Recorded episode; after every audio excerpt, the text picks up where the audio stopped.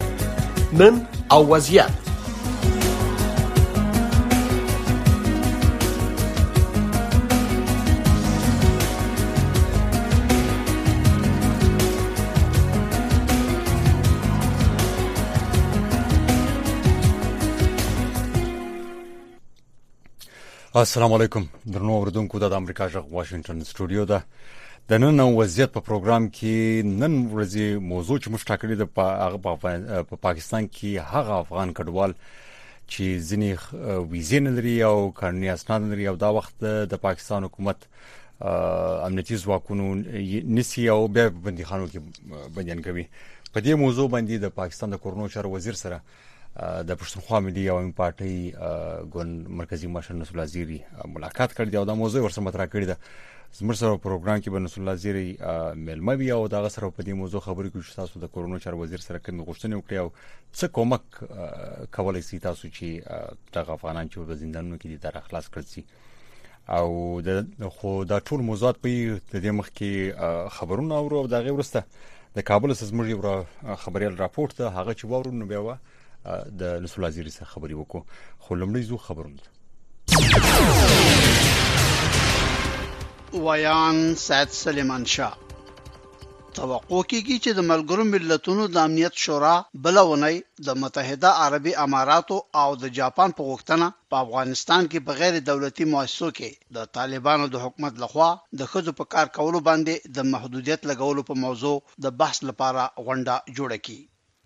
طالب چارواکي په کابل او نیمروز ولایتونو کې د داعش د ډلې اړوندو کسانو د درې مرکزونو د کشفولو او له منځه وړلو خبر ورکوي او وايي چې د کابل پر لانګ هوټل، د کابل پر نړیوال هوایي ډګر او د پاکستان په سفارت باندې په بریدونو او چادون کې دغه کسانو لاس لرو د حکومت وایان ذبیح الله مجاهد نن د پنځشنبه پر ورځ په یوې اعلامیې کې ویل چې د تیر شپې په عملیاتو کې د کابل ښار د اتمې حوزې اړوند په شهدای صالحین او قلاچه کې او د نیمروز ولایت په مرکز زرنج کې د داعش ډلې درې مرکزونه لمنځه وړل شوي دي له بلې خوا د رواداري په نوم یو شخصي سازمان چې له افغانستان نه د باندې فعالیت کوي وايي چې د طالبانو د امنیتي ځواکونو له خوا د دوه زره یوویشتم میلادي کال د اګست نه د دوه زره دوه ویشتم میلادي کال تر نومبره پورې شپږ سوه او دېرش کسان په قندهار، پنجشېر، ننګرهار او سرپل کې وژل شوي دي. پام وکړئ د رپورټ مهمو ټکو ته. په دې رپورټ کې چې چهارشنبه د مرغومې په 14 مه خپور شو راغلي دي چې په کندهار پنځشیر ننګرهار او سرپل کې د طالبانو له لوري د خپل سر او وژنو په اړه پلټنې کړې دي 300 کسان په کندهار یو سل د 14 په پنځشیر سلطنه په ننګرهار او نور کسان په سرپل کې وژل شوي دي د 2021 کال د اگست ل 15 مې نیولې تر 2022م د نومبر پورې 300 تنه چې و خزه او لس ماشومان هم پکې شامل وو لکم قضایي حکم نه پرته وژل شوې دي په کندهار کې د وژل شوو کسانو له جملې نه د ویشتنه د مخکنی حکومت دفاعي او امنیتي ځواکونو غړي وو په همدې موده کې یو سل یو تنه په ننګرهار کې هم وژل شوې دي د دې رپورت لمخې 15 تنه دینی عالمان اته تنه د مخکنی حکومت کارمندان درې تنه مدني فعالان او یو خبريال هم په وژل شوو کسانو کې شامل دي د طالبانو حکومتي چارواکو لا په سمدستي توګه په دې رپورت رسما تبصره نه ده کړې نو شاباشنا امریکا غاک واشنگټن د افغانستان او نړۍ خبرونه له امریکا غاک واشنگټن نوري د طالبانو حکومت د افغانستان په دریو شمالي ولایتونو کې د عمو د سین له کاسې نه د خامو تیلو د راوستلو په منزور نن د پنځشنبه په ورځ په کابل کې د ځانګړو مراسمو په ترڅ کې له یوه چینایي شرکت سره قرارداد لاسلیک کړ. قرارداد د افغانستان د ماینونو او پټرولیمو د چارو د وزارت سرپرست مولوي شهاب الدین دلاور، د چین د سفیر او د ملا عبدالغني برادر په شمول د طالبانو د حکومت د یو شمېر لوړپوړو چارواکو په حضور کې لاسلیک کړ. قدرت ته له رسېدو وروسته دا لومړی غټ قرارداد دی چې د طالبانو حکومت یې له یوه بهرني هېواد سره په افغانستان کې د تېلو د راویستلو په خاطر لاسلیک کوي. د پاکستان د کورنۍ چارو وزیر رانا ثنا الله د چهارشنبې په ورځ په اسلام آباد کې په یوه خبري کنفرانس کې ویل چې هغه هیڅ وخت نه دي ویلي چې پاکستان به پر افغانستان برید وکړي او یا به هم په هغه هېواد کې پر ځینو هدفونو باندې بریدونه وکړي چې پاکستان ته غوښ متوجه کوي لدې مخکې رانا ثناء الله ویلو کې هواد د تحریک طالبان پاکستان بشان ډلو لخوا وګواښل شي اسلام آباد قانوني حق لري چې په افغانستان کې دننه اقدام وکړي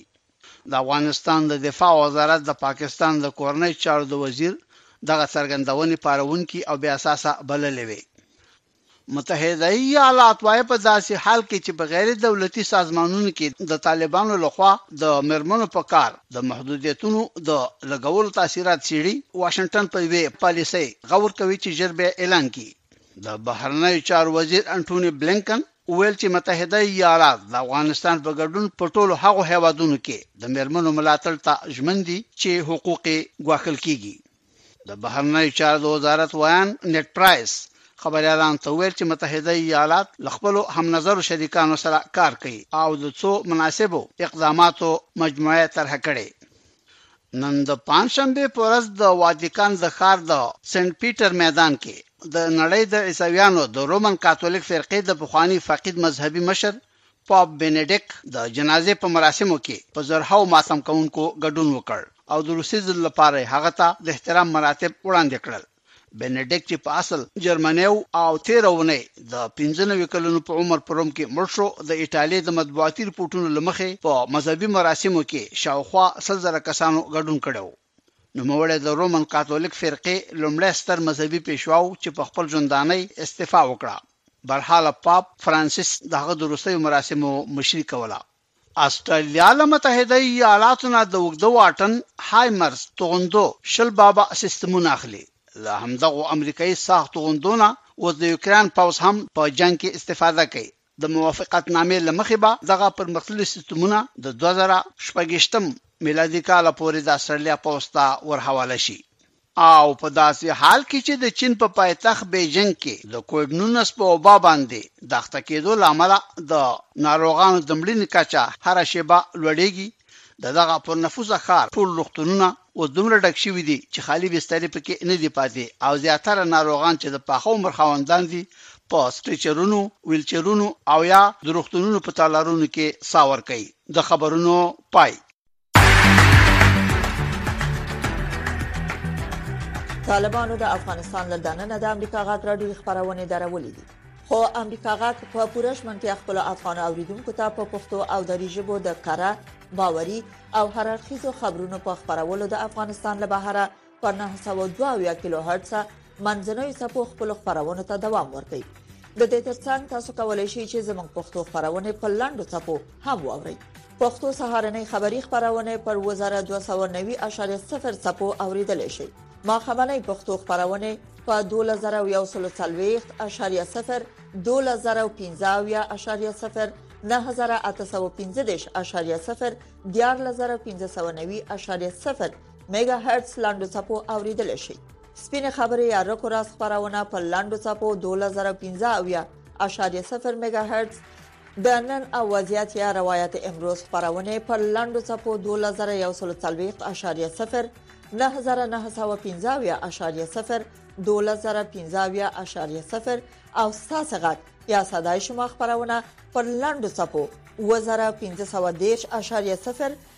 9355 میگا هرتز اوریدل شي د طالبان حکومت د قانون او پټرولیم وزارت واک ته د رسیدو نږدې یو نیم کال وروسته یو چینایي شرکت سره د امو سیند حوزې د تیلو د ایستلو تړون د طالبانو د لوړپوړو چارواکو او افغانستان کې د چین د سفیر په حضور کې لاسلیک کړی ټاکل شوی د سی پی ای آی سی شرکت به د درو کلونو موده کې 1540 میلیون ډالر پانګونه وکړي چې یو څل 50 میلیونه پانګه به په لومړی کال کې تر سره شي پام وکړئ په دې اړه د کابل څخه د امریکا جغ خبريال اکرام شنواری دی رپورت د طالبانو د حکومت د کانو او پټرولیم وزارت د وړم کال په اګست میاشت کې واک ته د طالبانو د رسیدلو شاوخوا تلس میاشتې وروسته په لومړي ځل د پنځشنبې په ورځ کابل کې د سی پی ای آی سي، په نوم د یو چینايي شرکت سره د امو د سیند د حوزې د تېلو د ایستلو یو تړون لاسلیک کړ. د تړون د لاسلیک په دې مراسمو کې د طالبانو د حکومت د رییس الوزرا اقتصادي مرستیال ملا عبدالغني برادر او کابل کې د چین سفیر وانګ یو هم برخه لرله. د طالبانو د حکومت د کانونو او پټرولیم وزارت سرپرست مولوي شهاب الدین دلاور وویل چې په دې تړون کې د سرپل، جوزجان او فاریاب ولایتونو مربوط څلور زره پنځه سوه کیلومتره مربع څخه شامله ده. د دې ذخیره اووه اتیا میلونه بیلره تیل دا تخمین شوي دي. په دا پنځو ساحو کې دا کمپنۍ به په درې کلو کې اکتشاف هم کوي او استخراج به هم کوي نو چې په پنځو ساحو کې د څلور نیم زره کیلومتره اووه اتیا میلونه ټنه ذخیره تصفیه شوې دا چې په شلګونو نور جایونه په لسګونو نور جایونه د دې اکتشاف به کیږي. د دې سروې به کېږي. د دغه تړون له مخې به دغه چینايي شرکت د درې کلونو په موده کې د تېلو د ایستلو او پلټنو په برخه کې تر پنځه سوه او څلوېښت میلیونو ډالرو پورې پانګونه وکړي چې په لومړي کال کې به د پانګونې کچه یو سل او پنځوس میلیونو ډالرو ته ورسي. په دې پانګونه کې د طالبانو د حکومت ونډه شل فیصده ده. او هم دا شرکت به طالبانو پته د ګټې 15 فیصده د عقل امتیاز په توګه ورکړي دا مو د سیند او د تیلو د اسرو تړون په خواني رژیم پر مهال د یو چینی شرکت سره شوی خو ملا عبدالغنی برادر ویل چې دوی د دغه چینی شرکت سره خبرې وکړي خو دغه شرکت خپل کار دوام ته لیواله نو نو ځکه د سی پی ای آی سی په نوم د بل چینی شرکت سره تړون لاسلیک ښاغلي برادر ویل چې د امو د حوزې د کشتګري د سیمې د تیلو څاګانو څخه اوس مهال هم په څلوېښت ساعتونو کې د یو سل پنځوس زره امریکي ډالرو په ارزښت خام تیل ایستل کیږي چې د دې وروسته به د دې څاګانو مسؤلیت هم د دغه چیني شرکت په غاړه وي ملا برادر دغه چیني شرکت ته د خپل حکومت له اړخه د مرستې ډاډ ورکړ له قراردادي شرکت څخه مو غوښتنه دا ده چې د کشتګري له څاګانو څخه د نفتو د استخراج چارې د نړیوالو معیارونو سره سم پر مخ بوځي. کړي. همدارنګه له قراردادي شرکت څخه غواړو چې د سرپل ولایت خلکو ته د اجتماعي خدماتو په وړاندې کولو کې پوره اخلاص وکړي. دې غونډې ته کابل کې د چین سفیر وانګ یو وویل چې دا پروژه د چین او افغانستان ترمنځ یوه مهمه پروژه ده. هغه ویل د دې پروژې د پیلیدو لپاره طالبانو د حکومت او د چین د حکومت د لوړ پوړو چارواکو ترمنځ په تیر دوه زره دوه ویشت میلادي کال کې ډیرې غونډې شوي. وانګ یو دا پروژه د افغانستان او چین ترمنځ د انرژۍ په سکتور کې د یو موډول په توګه یاده کړه او وویل چې دغه چینی شرکت د تیلو د ایستلو په برخه کې د ډیرو کلونو تجربه لري. هغه دغه شرکت څخه وغوښتل چې افغانستان کې د کار پر مهال د چاپیریال ساتنې مسلو ته دې ډیره پاملرنه وکړي. د چین سفیر وویل چې هیواد یې د افغانستان خپلواکۍ، خاورې تمامیت او د افغانانو دودو، دستور او عقایدو ته درناوی لري. ښاغلي وانګ يو وويل، چين هيڅکله د افغانستان په چارو کې لاس وهنه نه ده کړې او نه يې هم افغانستان کې په اصطلاح د نفوس لپاره کومه لټه کړې ده، کوم چې په پراخ ډول د افغانانو او نړيوال ټولنې له خوا يې ستاينه شوې ده. د طالبانو حکومت دا تړون په داسې حال کې د يو چينايي شرکت سره لاسليک کړی چې واک ته د رسیدو شاوخوا یو نیم کال په تیریدو تر اوسه د طالبانو حکومت لا هم کوم هیواد په رسمیت نه دی پیژندلی په جرمني کې د باختر انسټیټوت غړی سخي بیراملي وایي چې د 1933 میلادي کال د یو نړیوال کنونسیون لمخې چې اکثره هیوادو منلی هیوادونه په دې مکلف شوي چې پرته له دې چې په رسمیت ونه پیژندل شي نشي کولای چې بهر سره رسمي اړیکې جوړي البته تعاملات غیر رسمي به شکل مثلا فعالیت ها ښاغلي میرعملي وویل، البته غیر رسمي تعاملات مثلا ورزشي او فرهنګي فعالیتونه او یا هم اقتصادي راکړه ورکړه ممکن ولري، خو د یوې دیپلوماتیکې اړیکې په چوکاټ کې نه شي کولای چې تړون لاسلیک کړي او یا هم د یو نړیوال تړون یو طرف وشي. بین المللي شان. په جرمني کې د باختر انستیتوت دا غړی وایي چې په نړیواله کچه د تړونونو د لاسلیک لپاره د هېوادونو په رسمیت پېژندو ته اړتیا لیدل کېږي.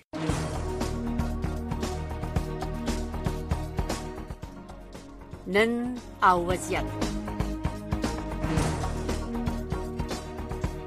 نن او وضعیت د نړۍ سیمه او افغانستان پر روانو چارو او د نن په وضعیت خبرونه راپورټونه مرکه او تحلیلونه هر شپه په 9 بجې د امریکا غږ آشنا رادیو نه واوري درنو اوریدونکو یو ځل بیا تاسو ته راغلاس وایو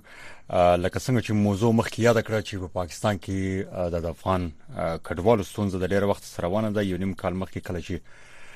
طالبان واک ته ورسېدل ډېری افغانان د افغانستان څخه ووتل او اکثریت ایران او پاکستان او نور هیوادونو ته لاړ خو ځینې افغانان په دا تیر شپږ میاشتو کې داسي مشکلات سره مخ شوي دي چې په خصوصا د سین په ایالت کې په کراچي په زندانونو کې باندې چې شزي او ماشومان هم پکې دي دا راپورټونه پر ټولنیزو رسنیو کې خبره سو امریکا ژغم په دې اړه ځینې راپورټونه خبره کړه د افغان سفارت سره په دې اړه خبرې سوي دي او افغان سفارت هم اعلامیه خبره کړې چې د 1500 شاوخوا افغانان به ډیر ژر راخوشي سوي یا خوشي کړي دي او د نورو هغه افغانانو چې چې راخوشي سي دغه د بیرته د تګ مصرف په افغان سفارت ورکی په دې موضوع کې د پښتونخوا ملي پارټي مرکزی مشر نصر الله زیری چې په د بلوچستان اسمبلی غړی هم دی نن نن ورځې د اسلام آباد کې د پاکستان د کورونو چارو وزیر رنا ثنا الله سره لیدلی او دا موضوع ورسره مطرح کړې ده نصر الله زیری صاحب مر سره په ټلیفون په کرښه دی نصر الله زیری ته به سړی موسی وایول پروګرام ته ډیر مننه کور ودان تاسو ستوري مشه زیر تاسو نن د پاکستان د کورونو چارو وزیر رانا ثنا الله سره ولیدل او دغه موضوع مور سره بحث کړ چې افغانان چې په تاسو لیکلیم دی خپل په ټولنیز رسنۍ باندې چې په غیر قانوني توګه نیول سی دي نو د پاکستان حکومت امنیتي چارواکي وایي چې دغه افغانان چې نیول سی دي د ویزې نه لري او د سفر اسناد نه لري او په دې خاطر د نیول سي دی نو تاسو دا موضوع چې ورسره باس کړو نو د دلیل څه وو تر ټولو مخکې خو زه تاسو ډیره مننه کوم لکه څنګه چې تاسو ته معلومه ده 2021 15 اگست څخه بیا تر اوسه پوري چې افغانستان کې کم بدلون رااله الته یو اشغال وسو او داغه بعد په لکونو افغانان د افغانستان څخه د باندې ولاړ او بدبختانه د افغانستان یو گاونډي هیواد پاکستان دی او دغه د ډیورین کرښه چې انګریزانو په 1393 کې د افغانستان د ولسونو د مرزي برخلاف استلې و خو دغه ډیورین کرښه په دې باندې به خلک تلو راتله هیڅ قسم بندش نه وو درې پنځوس کاله د انګريزانو حکومت دلته بیا دغه بعد پاکستان جوړ شو هم په دې کرښه باندې په ډیورن باندې هیڅ قسم بندیز نه وو بدبختانه اوس دغه ازغن تار ولګوي چې د دې له کبله دلته میش هغه پښتانه افغانان چې دا کلی کته د د محمد حسنی بلوچ سیمه راواخه کبه سنجرانه کمنګل ک بیا د پښتنو سیمه شروع کیږي د بړیس ولس چې کومه خاوره د شوراواک هغه خلک تر ټولو زیات متاثر سو بیا ورسته نورزی دی اسکزی دی کاکړ وزیر مومند باجوړ افریدی دا هغه خلک دی چې د دې ادرې تقسیم سوی ورشوګان تقسیم سوی کله تقسیم سو ورونه تقسیم سو نو موږ دا غوښتنه کوله چې د دې ازغن تار هیڅ قسم ضرورت نشته چې انګريز نه ایستي خلک بتلو راتله پونده بتلو راتله نو وسم په کار دا و چې دغه ازغن تار چې دا د پښتنو معیشت وای کتا سو خبر یا چې په چمن په دلته په شار کې 25 زره 10 زره پښتانه بی روزګاره سو غلام جان کی دغه حالت دی په بادینی کی دغه حالت دی په تورخم کی دغه حالت دی خو بد بختانه اوس چی اوسنی چی کوم حالت چی تاسو کوم بیان کړی دا ډیر دردناک او د انسانیت برخلاف چی د انسانی حقوق حقوقو خلاف دی او موږ ایران یو د نړۍ هغه انساني حقوقو تنظیمونو ته یا په پاکستان کې چې کوم تنظیمونه دي هغه په دې باندې خاموشي مجرمانه خاموشي اختیار کړې ده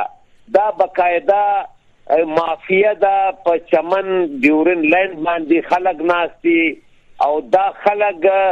راسي بیا په موټرانو کې کښې نه بیا د چمن ستر کوټي پوری په مختلفه چک پوسټو کاغه د اف سي دي که د پولیسو دي که د لیوز دي هغه پیسې ځینې واخی بیا ورته وایي چې موږ تاسو اسلام آباد ته بیایي لاهور ته دوی کراچي ته بوځي هلته د دوی د هلته چې کوم رینجرز دي د هغوی د کسټمو د نورو ادارو سره د دوی رابطه ده او دا خلک ورباندې ونیسي او بیا یې جیلو ته واچوي زه په خپله تېره میاشت کراچي ته تللی وم، د هغه ځي عدالت ته ولاړم، هلته زموږ ملګري د پښتونخوا ملي عوامي پارټۍ چې کوم وکیلان وو د هغه سره مې ولیدل، نو هغوی بیا د ډېرو ضمانتونه هم کړي دي، خو اوس هم په سلګونو افغانان د کراچي په جېلو کې پراته دي، په دې کې زنانې دي. په دې کې ماشومان دي، انجونې دي، هلکان دي، سړي دي، نو دا یو دومره دردناکه خبره ده، په دې حواله ما نن د په اسلام اباد کې د وفاقي وزیر رانا ثناءالله، وفاقي وزیر مولانا عبدالشکور مفتي، د دوی سره مو ولیدل او دا ټول حالت بیان سو چې دا یو انسانیت سوز عمل دی او پکار دی د افغانستان چې کوم اوسنۍ الته کوم خلک ناست دي چې تر اوسه پورې دنیا دا نه دي تسلیم کړي دا غوی لوجه دا خلک راوځي او دلته چې کم زلالت کم تذلیل د پښتنو افغانانو کیږي هغه ما او تا تصور هم نه سو کولای او په دې باندې افغانستان کې چې کوم اوسنۍ خلک ناست دي هغه هم مکمله خاموشي اختیار کړې ده او پاکستان حکومت دغه وفاقي حکومت د سند حکومت انتهایی زیاتوب کوي که څه هم دا د پی ډي ایم حکومت دی د جمهوري پارټۍ ذات وایي پیپلز ګوند دی مسلم لیګ نون دی لیکن دوی دومره بې رحم یو داسې زیاتوب کوي چې دا هغه ما او تا تصور هم نسو کولی نو موږ د پښتونخوا ملي عوامي پارټۍ کانګرس سو په ویشتم اته ویشتم د دسمبر چې یو تاریخي کانګرس په دې کې په زرهاو مندوبینو ګډون وکړي زموږ نومنتخب چیرمین صاحب د ملي شهید عثمان خان کاکړ ننګیالی زوی چې هغه د ګوند د پښتونخوا ملي عوامي پارټۍ چیرمین سو هغه په خپل لومړی وینا کې د خبرې ته اشاره وکړه او د پاکستان د واکدارانو سه غوښتنه وکړه چې دا ټول خلک دې خوشې کړل سي او دا دې افغانستان ته واستول سي یا چې چیرې غواړي دوی الته دی واستول سي یا بیرته په دغه ملک کې دی دا د دنیا د جنوا چې کوم د انساني حقوقو تنظیمونو اکارډ دی دا مطابق دوی حق لري چې دوی په دې ملک پاکستان کې ووسی او پاکستان دوی ته هر رنګه هغه مرعات ورکي زیر نو تاسو د کورونو چار وزیر سره ولیدل نو داغه دلیل څه و هغه څه ول چې داسې یو دغه ست چې داخلو ته یو موقتی پناه ورکړي چې ځینې خلک ویزه نه لري یا قانوني اسناد نه لري د سفر او د نیول کېږي یا د کوشش کړي دا دا چې دا ټول صورتحال تاسو وینئ لتیرو 50 کال شاوخوا نږدې دا صورتحال په دې افغانستان باندې دی مسلط کړي او افغانستان کې د پاکستان لاسوهنه د اول ورځ څخه تر اوسه پورې ده د دې ټولو بربادیو ذمه واره د پنجاب استعماري دا ریاست دی، اسلام آباد دی او نن دغه اسلام آباد دا خلک دومره مجبور کړه چې دوی یې جیلو ته اچولي دي. نو دا زما په خیال د ملګرو ملتو فرض دی چې هغه د کراچي په جیلو کې بند په سلګونو ماشومان زنانې، بچیان او بیا انجونې دا آیا د ملګرو ملتو د هغوی د پاکستان کې د انساني حقوقو تنظیمو دا فرض نه دی چې د دې په حواله اواز پورته کړي نو موږ دغه غوښتنه له دوی څخه وکړه چې تاسو دا زیاتوب کوئ، دا تاسو ناروا کوئ، یو خو مې افغانستان ونړوئ، افغانستان ته مې خپل خلک ورواستول، افغانستان ټول نن د پاکستان په چاوڼۍ بدل شوی دی او خلک راوځي، خو صحیح دي تاسو هغه کار کوئ، لیکن دلته دا غیر انساني سلوک چې دی، دا د انسانیت خلاف دی، دا د اسلام خلاف دی او دا پکار دی چې زر تر زره دا خلک خوشې کړل شي او دوی ته خوښه ورکړل شي که دوی هلته په کراچي کې اوسي که په کوټه کې اوسي که په کراچي پېښور ته ځي او که بار ملک ته ځي دوی ته دا ټول مراعات ورکول شي نو زیر کورونو چارو فدرالي وزیر وویل چې دا خلک به خوشی کړو موږ به څه اقدام وکړو لکه څنګه چې تاسو مخکې ذکر وکړ چې دا خبره وکړه خو بدبختانه تاسو خبره یاست پاکستان کې چې څنګه حکومتونه دي د دوی چې کم د اختیار واګي دي هغه د بل چا په لاس کې دي بظاهر خو یو جمهوریت حکومت دی بظاهر خو یو د هغه پارټیانو حکومت دی چې ځان ته جمهوریت وایي لیکن اصل اختیار د بل چا په لاس کې دی هغه تاسو ته معلومه ده او مشته معلومه ده چې بظاهر خو حکومت را لې یو کال کېږي چې شاباش شریف صاحب وزیر اعظم دی لیکن اختیار د دوی په لاس کې نه دی علي وزیر د دې تر ټولو لوی مثال دی چې هغه له تېرو دوه کاله راهیسې د کراچي په جېل کې ناست دی، عدالتونه یې خلاص کړي، لیکن هغه تر اوسه پورې د کراچي په جېل کې ناست دی، د قومي اسمبلۍ ممبر دی، د پاکستان د قومي اسمبلۍ ممبر دی، د کور څخه پنځلس شپاړس کسان شهیدان سو هغه دوه کاله کیږي بې ګناه ناست دی نو د دې حکومت سه د پي ډي ایم سه د دې کې شامل پارټیانو سه یا د دې چې څوک مرسته کوي هغه پارټیانو سه ته څه توقع کولی سي چې هغه خپل د قومي اسمبلي ممبر نه سي خوشې کولی نو دا بیچاره افغانان چې د کراچي په جیلو کې پراته دي د دې به دوی څه غم وخوري نو زیری داسې امکان شته چې د افغان حکومت په دې اړه یو د پاکستان سره په دې اړه یو جدي خبري وکړي چې دا خلک را خوشی کړي نو تاسو داسې توقع لرئ یا داسې غوښتنه شته چې تاسو خپل د طالبان حکومت افغانستان کې چې څوک ناشتي هغه سموږ دا غوښتنه کوو د بنو جرګه وسوه، هغه کې دا غوښتنه وسوه چې تاسې یو پراخ بنسټه حکومت جوړ کړئ، لویه جرګه راوغواړئ، آیین جوړ کړئ، انتقال اقتدار وکړئ، تر اوسه پورې یو کار نه دی شوی، اوس هغه څوک ناست دي، د توپک په زور ناست دي چې د ټول افغانستان د لرو بر افغان هغوی په فیصدي کې هم نه راځي، خو بهرحال هغوی د توپک په زور ناست دي. هغوی په کار دی چې د پاکستان د واکداران سو دا پوښتنه وکړي چې دا زموږ خلک د کراچي د سند په جیلو کې یا د پنجاب په جیلو کې ناست دي دا کم انسانیت دی دا کم اسلام دی چې نوم خو اسلامي جمهوریه پاکستان دی او خلک بچیان، زنانې او انجونې ناستې دي په جیلو کې، دا د افغانیت خلاف دی، دا د پښتونوالې خلاف دی، دا د اسلام خلاف دی، دا د انسانیت خلاف کار دی. صحیح ډیره زیاته مننه زیره چې موږ ته په ددونه لنډ وخت کې وخت راکړي او په دې موضوع باندې وژغېدو او هله کوم چې په تاسو ګوند پښتونخوا ملي او پارټي به دغه موضوع پرینش دی او په دې موضوع به نور کانفرنسونه وکړي یا احتجاجي مظاهره یا داسې د افغانان چې بلې ولې نه موږ به خامخا په دې حواله د پارټۍ چیرمین ښاغلی خوشحال خان خټک، خوشحال خان کاکړ او بیا شریک چیرمین مختیار خان یوسفزی، سیکرټري جنرال خورشید کاکاجي او نور زموږ مشران رضا محمد رضا صاحب د پښتونخوا ملي عوامي پارټۍ چې نوی مشرتابه دی چې په تیر اوویشتم اتهویشتم دسمبر وټاکل شو نو انشاءالله په دې اړوند به دوی موږ به ټول په دې حواله خبره کوو په دې حواله به موږ خپل احتجاج هم کوو ډېر زیاته مننه چې موږ ته وخت راکړي مننه دا کوم ډېر زیاته مننه او په لنډ وخت کې زموږ پروګرام ستاسو ژغ یا صداي شما